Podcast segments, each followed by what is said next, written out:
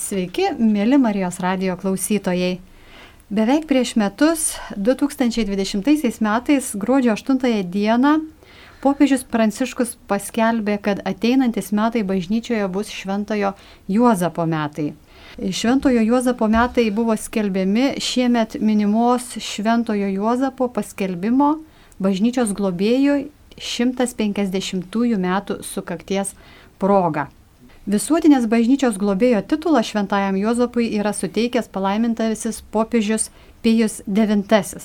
O mūsų dabartinis popiežius Pranciškus šventąjį Juozapą apibūdina kaip mylimas tėvas, švelnus, klusnus Dievui, visus priimantis, kūrybingas, darbštus, liekantis šešėlyje. Tai tokį šventąjį Juozapą šiais metais parapijos ir maldos grupės tengiasi pažinti prašyti jo globos ir arčiau su juo pabendrauti. Ir štai metai apsisuko. Tai šiandien mūsų laidoje dalyvauja iš Slovakijos atvykę gyventi į Lietuvą kunigai redemptoristai Rastislavas Duhy. Sveiki. Sveiki. Ir Peter Hertel. Sveiki. Sveiki.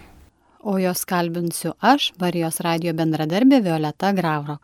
Šie abu misionieriai atlieka kapelionų tarnystę Vytauto didžiojo universitete kalėjime Praveniškėse, taip pat darbuojasi arkiviskupijos pašaukimų sielovadoje bei bendradarbiauja su Kauno arkiviskupijos jaunimo centru.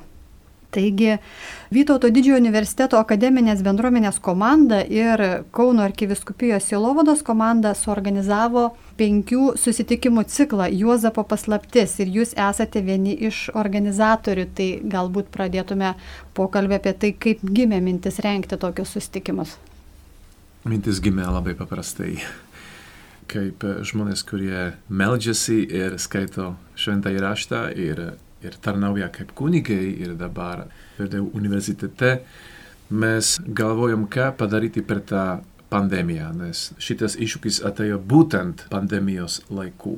Tai meldamės kartu ir, ir galvojam, ką pasiūlyti studentams, ką pasiūlyti tiems, kurie darbo universitete, bet ne tik tiems žmonėms, bet ir tiems, kurie gyvena mūsų arkivyskupijoje. Kadangi mes čia gyvenam, dirbam, tai kalbėjomės plačiau su arkivyskupo bendradarbiais ir kartu nusprendėm šitą padaryti.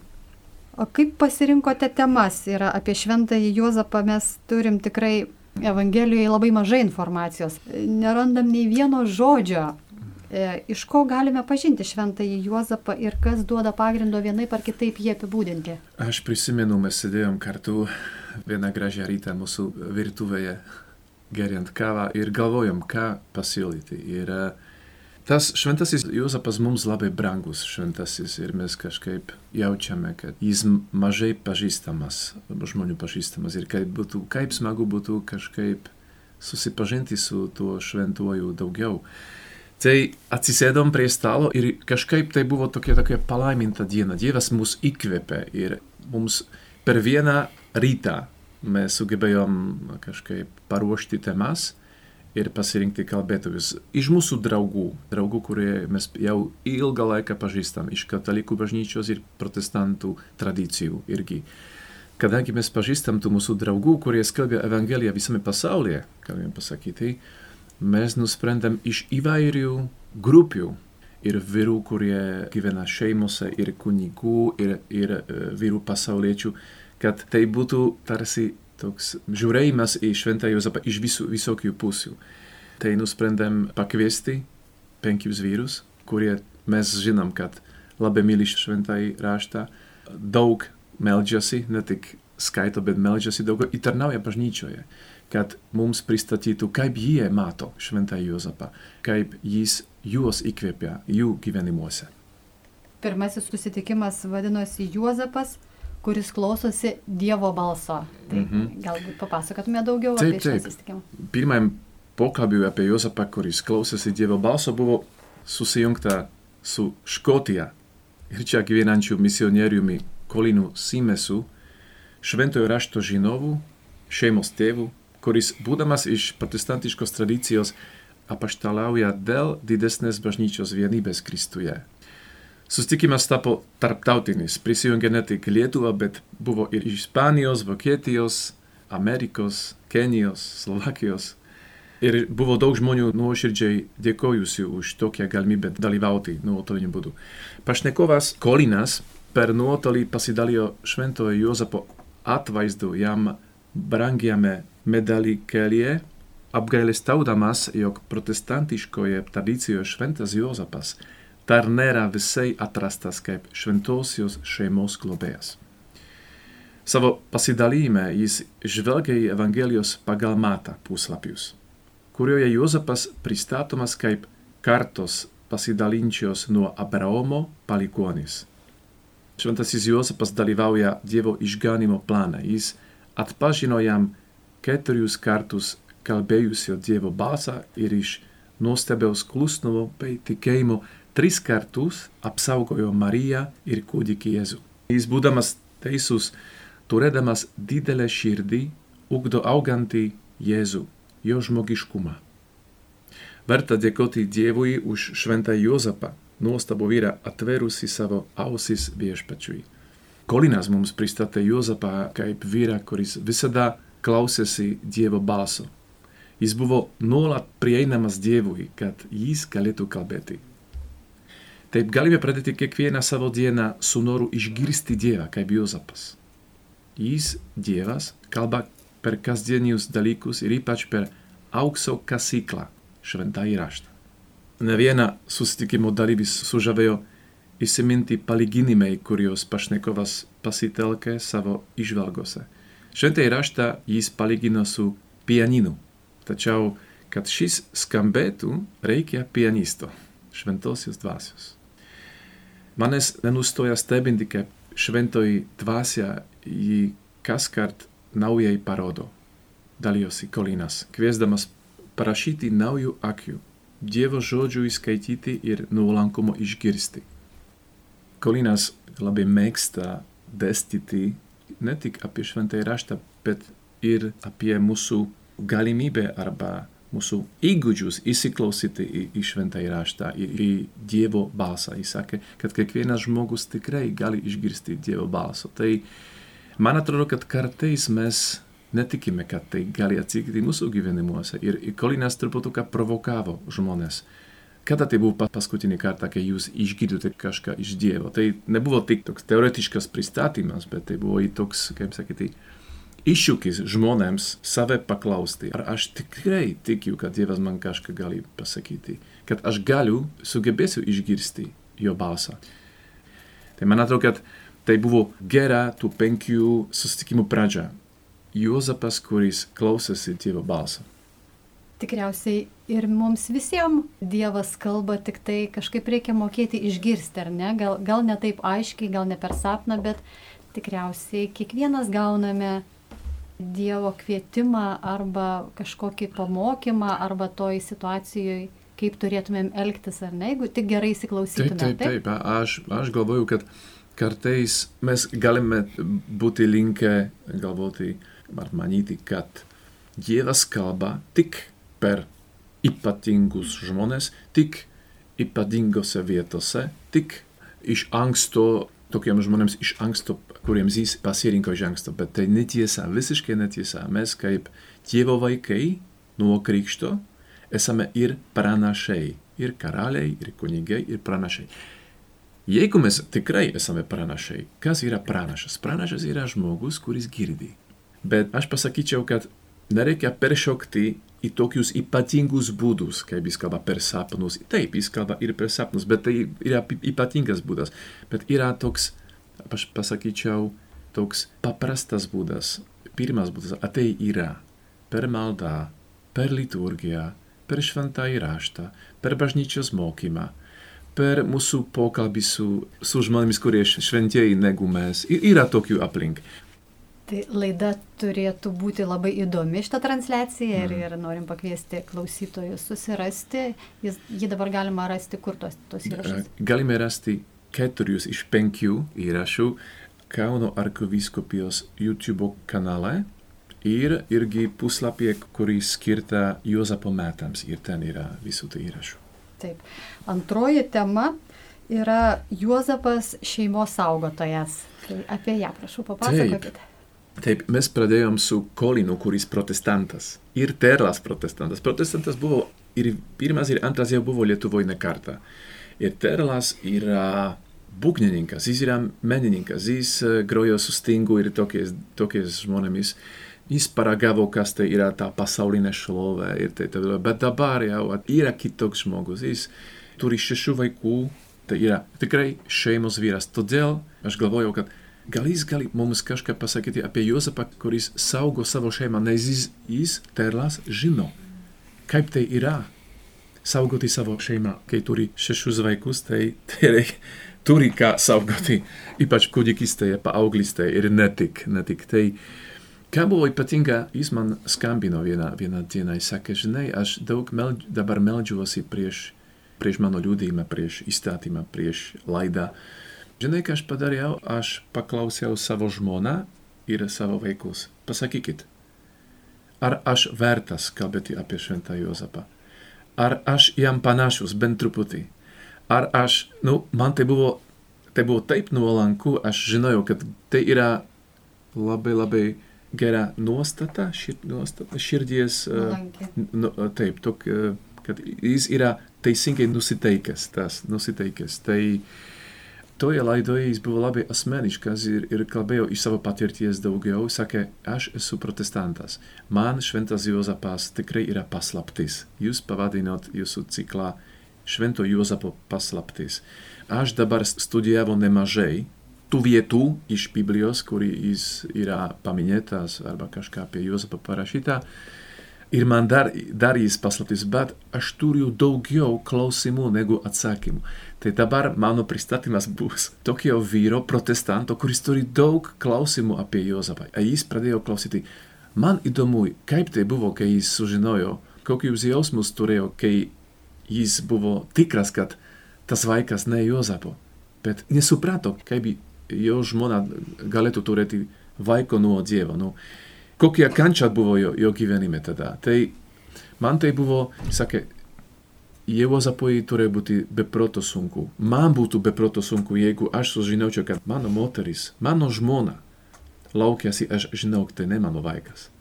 Nu kaip žmogiškai, žmogiškai man, man paaiškink, kaip man jaustis. Ir man buvo labai miela išgirsti iš vyro, kuris buvo garsus būgnininkas, padarė daug įrašų, žmonės klausosi jo CD visame pasaulyje, kuris uh, stovėjo ant tiek scenų pasaulyje. Dabar nuolankiai jis, nuolankiai užduoda klausimus apie Jozapą, apie jo gyvenimą. Jis sakė, kadangi tik dabar pradėjau mąstyti rimtai apie Jozapą, koks įkvėpimas jis yra mano vyriškam, tėviškam gyvenimui. Tai Ir kada jis sakė, po susitikimo sakė, žinai, ką mes kalbėjome su mano žmona ir vaikais, kadangi mano pasidalymas buvo labai asmeniškas. Aš gal per daug kalbėjau apie šitą vaiką, tokių, apie tokius jautrus dalykus, gal gerai būtų neviešinti šitą įrašą. Šitas įrašas vienintelis šitas nėra paviešintas, nerasit internete. Mėly mūsų radio klausytojai, šioje laidoje dalyvauja redemptoristai Restislav Dluhi ir Peteris Hertelis ir mes šiandien kalbamės apie besibaigiančių Šventojo Jozapo metus ir jiems skirtus renginius. Ir kalbame apie paskaitų ciklą Šventojo Jozapo paslaptis. Tai trečiasis susitikimas buvo Jozapas netikėtumų dievas. Ir dabar, Peteri, jūs pasidalinkit. Šitas susitikimas vedė Baušas Živčiakas, pasaulietis, mūsų draugas iš Slovakijos, misioneris, bet ir daug lietuvių pažįstamas, nes jis beveik 20 metų jau čia važiuoja per atostogų, ypač vasarą misijams ir įvairiems evangelizacijoms programams. Jis pasaulietis, keturių vaikų tėvas, teologijos ir pedagogikos daktarus, bendruomenės reikia života vadovas, tik kad truputį turėtume mintise apie kas yra ir apie ką kalbama. Jis norėjo pasidalinti su, su netikėtimu Jozapo gyvenime, bet ir savo gyvenime. Tų netikėtimų būna mūsų gyvenime nemažai, kiekvienas žinom, gal daugiau negu tikėtume ar norėtume tų netikėtimų kartais būna. Ir viešpats vis mus žino nustebinti, kartais gal ne visai mums malonu būdu, bet būna visaip. Ir Bohušas palietė to pirmo mums žinoma nustebimo Marijos istorijoje įsikūnimo akimirką. Mes turim jau terminą pavadinimą tai situacijai, bet kai Marija pradėjo šventosios dvasios veikimu Jėzų savo iščiose, bet tada nei to termino nebuvo, įsikūnymas, kas tai yra. Tai didis paslaptis, galime sakyti mums visiems, 2000 metų jau, vis mus nustebina, kaip Dievas apsisprendė ateiti į pasaulį, tapti žmogumi. Marija buvo nustebusi, klausė angelo, kaip tai atsitiks, bet ir Jozapas irgi buvo nustebęs, pamatęs Mariją neščią. Būdamas teisingas ir sužinojęs, kad Marija neščia, nenorėdamas daryti jai nešlovę su mane tylomis, ją atleisti. Žinome tą istoriją, kai tai nusprendė padaryti, per sapną jam pasirodė viešpaties angelas ir tarė, Jozapai Dovido sūnau, nebijok parsivesti į namus savo žmonos Marijos, nes jos vaisius yra iš šventosios dvasios ji pagimdys sūnų, kuriam tu duosi Jėzaus vardą, nes jis išgelbės savo tautą iš nuodėmių. Visai tau įvyko, kad išsipildytų viešpaties žodžiai pasakyti per pranašą, štai mergelė neščios iščiose ir pagimdys sūnų, ir jis vadinsis Emanuelis, rašo evangelistas Matas. Emanuelis reiškia Dievas su mumis, gražas padrasinimas mums. Ir evangelistas tęsia, atsikėlęs Jozapas padarė taip, kai viešpaties angelas buvo įsakyta ir parsivedė žmoną pas save. Ir nuo to momento, nuo to akimirko baigėsi įprastas gyvenimas. Ir paskui atrodo, kad gana dažnai viešpats ateina netikėtai į jų gyvenimus, į Jozapo ir per ir Marija gyvenimus. Turim aprašytą keturius sapnus Dievo Jozapui, per kurį jam Dievas kalba. Ir Jozapas visada paklus Dievą. Galime paklausti, kodėl taip klausė Bohušas. Jo atsakymas mane labai palietė, primenu savo, nes Jozapas jau buvo pripratęs klausyti Dievo balsą ta mintis kažkaip mane labai užstrigo. Buvo pripratęs. Iš tikrųjų, kad mes girdėtume, kaip Rastislavas jau paminėjo, kaip Dievas per sapną pas mus ateina, kaip elgtumėmės. Jozapas gal nuo jaunystės jau, kaip tikintis žydas, tikėjime išaugęs, žinojo atpažinti, kada Dievas kalba.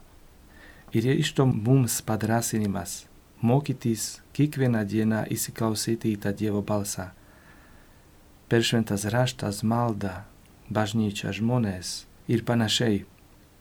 Mokytis klausyti, nes per to tampame jautri, kad ir paskui ypatingose situacijose netaptume prarasti, bet galėtume išgirsti tą Dievo balsą ir leistume būti vedami Dievu.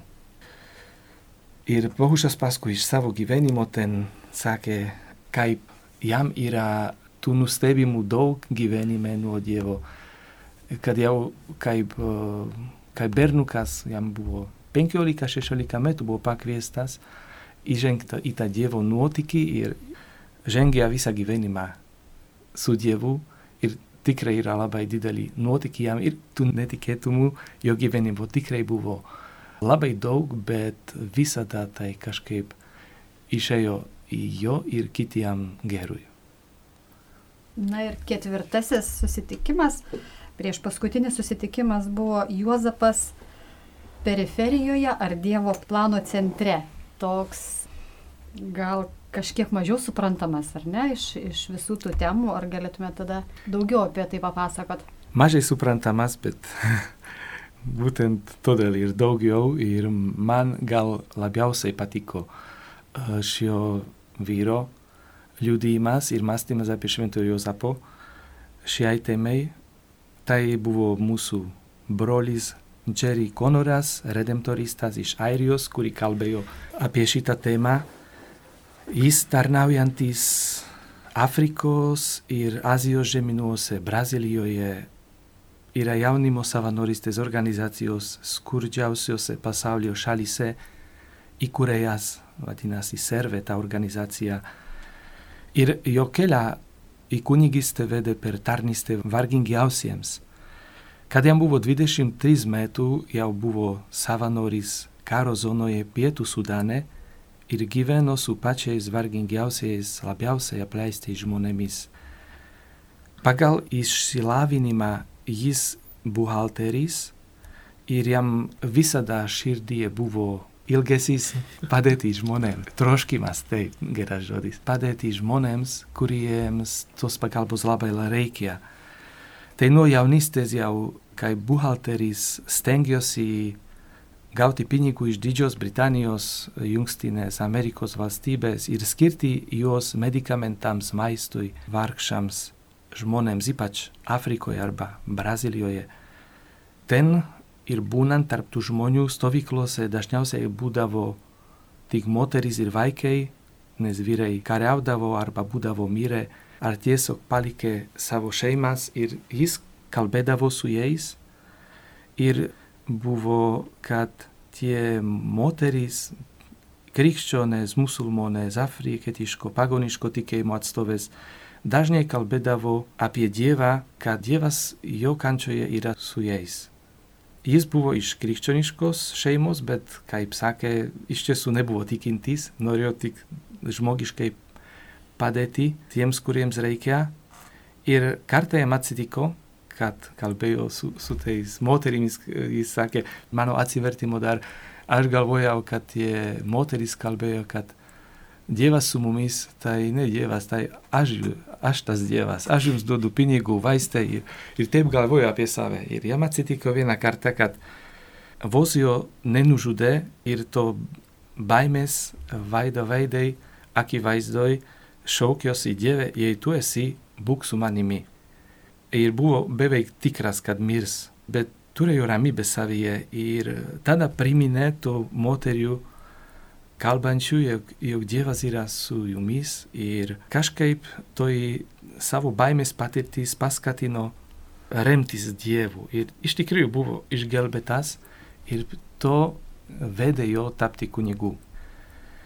Paskui kaip kunigas irgi tęsė savo tarnystę vargšiesiems žmonėms, gal iš tos jos kalbos apie šventą Jozapą, nes jis visada sujungė tą savo kalbą, apie šventą Jozapą su, su vargšiais, tai norėčiau iš jos kalbos dabar konkrečiams temams. 94 metais jau gyveno Ruandoje. Ten 2 milijonai gyventojų keliavo per kalnus į Kongą, kad išgelbėtų nuo genocido. Ir jis keliavo su jais. Sakė, jie gerdavo nešvarų vandenį ir mirdavo nuo choleros, tūkstančiai žmonių mirė. Pasaulis nieko nedarė, kad padėtų. Pasaulio žurnalistai atvyko su kameromis, bet tragedija buvo tokia didelė, kad jiems trūko žodžių. Vieną rytą mano kolega rado kalnuose nuo šeimos atskirta ir pamesta kūdikį. Tas draugas ėjo ten, kur buvo susirinkę žurnalistai iš viso pasaulio. Patekęs į salę, prie scenos iškėlė kūdikį ir papasakojo, kad rado jį paliktą. Ši nuotrauka pasklido po visą pasaulį. Po trijų dienų Amerikos prezidentas Clintonas įsikišo ir pradėjo veikti. Tada buvo sakoma, kad kūdikis sujudino valdovui širdį. Man tai padeda suprasti, kad Dievas tapo kūdikiu, norėdamas patraukti pasaulio dėmesį. Jis dažnai kalba per pažeidžiamuosius, per tyliosius, koks ir buvo Jozapas. Evangelijoje pagal matą matome, kad Jozapas išgyveno agoniją kančią apsispręsdamas, kaip elgtis, kad sužinojo, kad Marija laukiasi, ar apleisti Mariją tylomis. Ir kai jau buvo taip apsisprendęs padaryti, Angelas Juozapai sako, nebijok Marijos parsivesti kaip savo žmonos. Ir Juozapas jos neišsijunčia, nesigėdija. Kitaip nei Marija, Juozapas neturėjo klausimų angelui.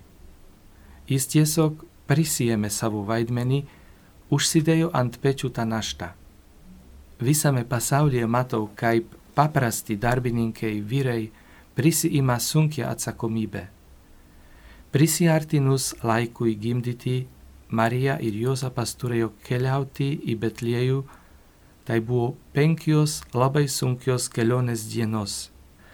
Ir niekur jiems neatsirado vietos, net tokioje turtingoje šalyje kaip Airija, iš kur aš esu, sakė kalbėtojas, daugybė žmonių gyvena gatvėje daug jaunuolių nesugeba susimokėti už paprasto būto nuomą. Airijos viskupai yra parašę pastoracinį laišką Nėra vietos. Jozapo ir Marijos istorija tęsiasi ir šiandien. Konoras kalba ir apie stebuklingą patirtį, kurią turėjo. Tuo metu, 94. rytą kalnuose radau šeimą su penkiais vaikais. Pradžioje jie manęs bijojo, nusivedžiau juos nuo kalno ir radau vietą prigulti mokyklos klasėje. Tėvas gali susikalbėti angliškai, tad paprašiau, kad dirbtų su manimi. Edvardas buvo švelnus, tylus, mylintis vyras, tremtinys, norėjęs geriausio savo šeimai. Jame tarsi atgyjo Jozapas, kuris patyrė tremtį norėdamas apsaugoti savo šeimą.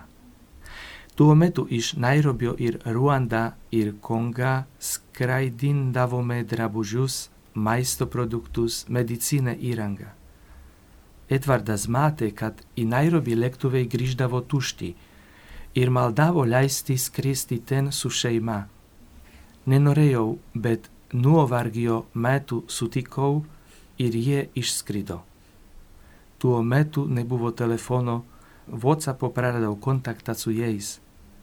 Po 17 metų, būdamas konferencijoje Nairobije, prancūzui vertėjui papasakojau šią istoriją. Jis sakė pažįstantis, jie dažnai pasakoja apie tai. Ta vakarą susitikau su šia šeima. Tai buvo stebuklas. Klausydamas jų istorijos supratau, kiek jie kentėjo bandydami pradėti naują gyvenimą. Jozapas, Marija ir Jėzus irgi buvo tremtyje. Trejus ar septynerius metus. Paskui turėjo grįžti į gimtinę ir pradėti naują gyvenimą. Įsivaizduokite Jozapą darbininką grįžtantį į senuosius namus. Galvodamas apie Jozapą, galvoju apie Edvardą ir visas šeimas, kurios buvo priverstos palikti savo namus. Tremties patirtis tai būti paribyje ir kentėjime. Atrodo, ši patirtis išugdė Juozapą kaip švelnų ir kantrų žmogų. Kas kartą tuo įsitikinu, eidamas į paribius. Kartais tyla yra didžiulės stiprybės šaltinis, o jūsų ateities paslaptis slypi tame, kaip jūs šiandien gyvenate savo kasdienį gyvenimą. Giliausia meilė dažniausiai būna paslėpta.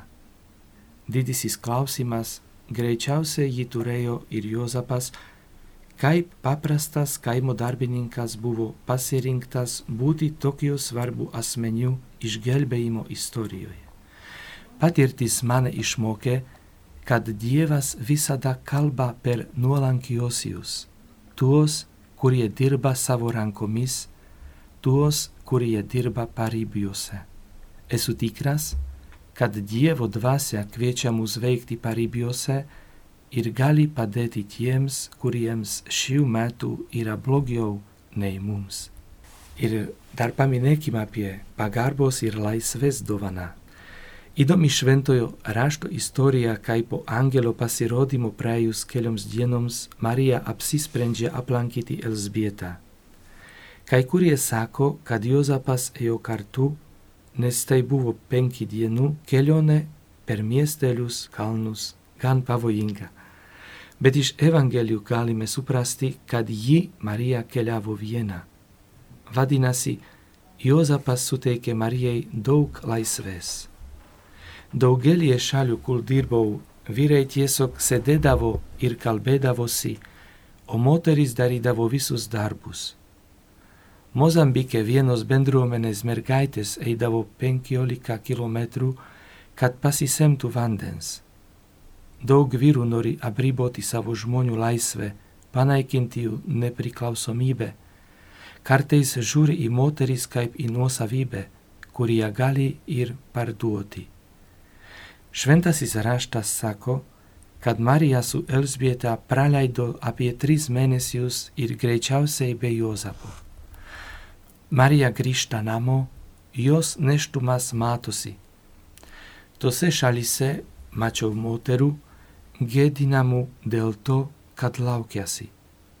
Nei vyras yra žmonos nuosavybė, nei žmona vyro nuosavybė Tačiau daugelie pasaulio vietų yra vyras žmona laiko nuosavybė. Tai mano patirtis.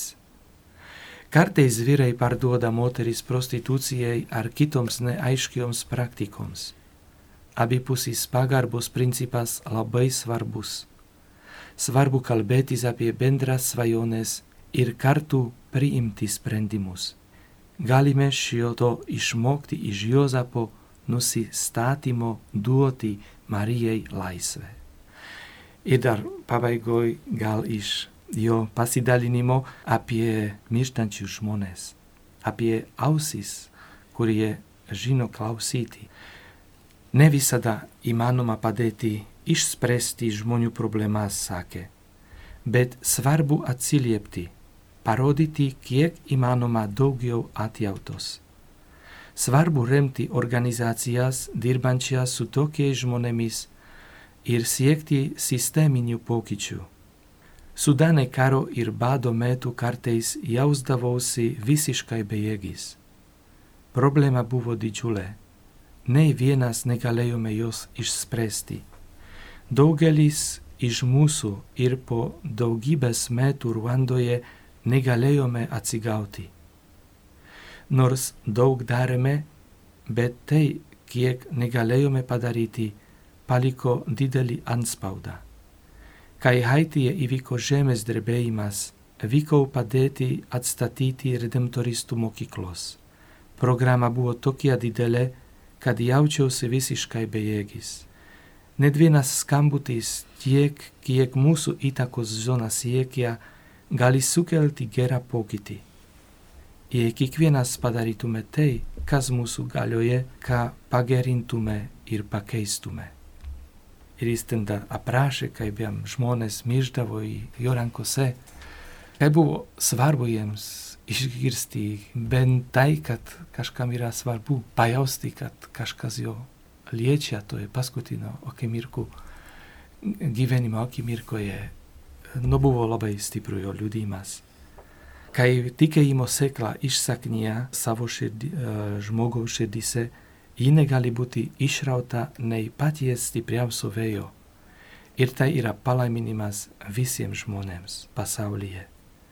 To galime mokytis iš švento Jozapo ir kitų šventųjų. To galime mokytis iš misionierių, kaip pavyzdžiui Honoras. To galime mokytis iš tremtinių ar persekiojamų krikščionių, kurių Lietuvoje yra nemažai. To greičiausiai galime mokytis ir savo aplinkoje, ir šiandien, matydami tikėjimo gyvenančius žmonės. Labai jautrus liudimas. Hmm. Tai paskutinis susitikimas apibendrina visus kitus keturis susitikimus. Tai Juozapas drasus ir ištikimas žmogus. Tai galbūt dar apie jį Peter, jūs papasakosite. Jau papasakosiu truputį. Šitą susitikimą vedė mūsų provinciālās Václavas Ipius iš Slovakijos. kai vienuolis redemptoristas turėjo kalbėti apie ypač dvi dorybės - drąsą ir ištikimybę.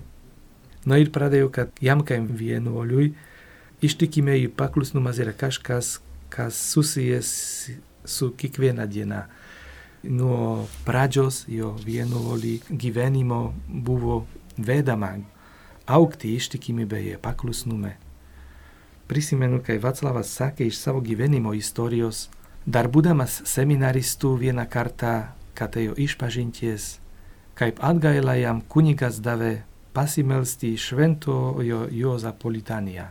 Ir jis buvo labai nusivylęs, nepatiko jam, nes tokie paprastus litanijos galbūt galėjo būti kažko ir geresnio ar praktiškesnio gyvenimui, kažkaip tokie mintis atėjo per jo galvą, bet žinoma pasimeldė ir ten kažkur pradėjo jo patirtis arba jo santykis su šventojo Jozapo.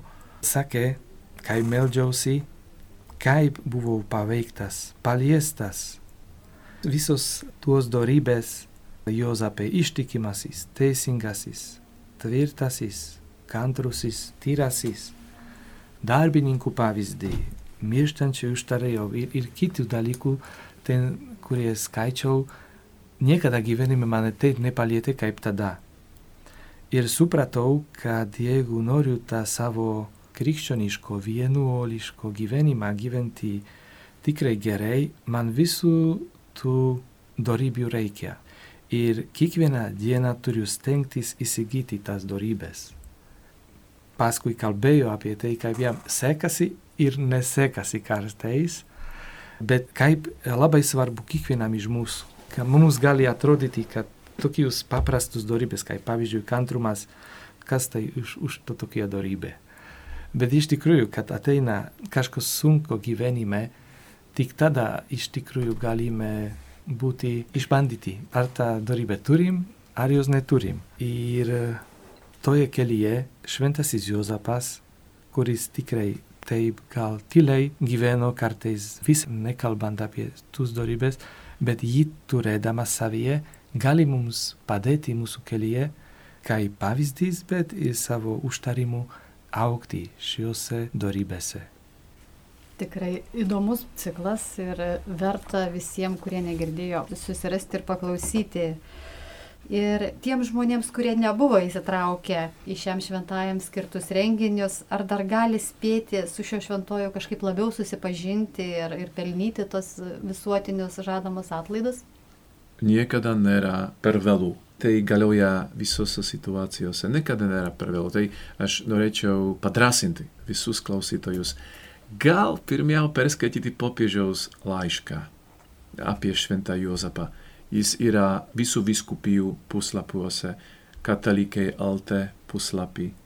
Nes tas laiškas tikrai, tikrai yra labai gražus ir tai buvo, būtų, būtų pirmas dalykas. Antras, pasakyčiau, jeigu uh, niekada nemeldėtės tą maldą prašant Josapą apsaugos, malda, kuriem melsdamasi bažnyčiai, prašom, pasimelskit dabar, kadangi mes jau baigėmės švento Josapo metu, uh, bent keletą kartų pasimelskit, nes yra labai stipri malda.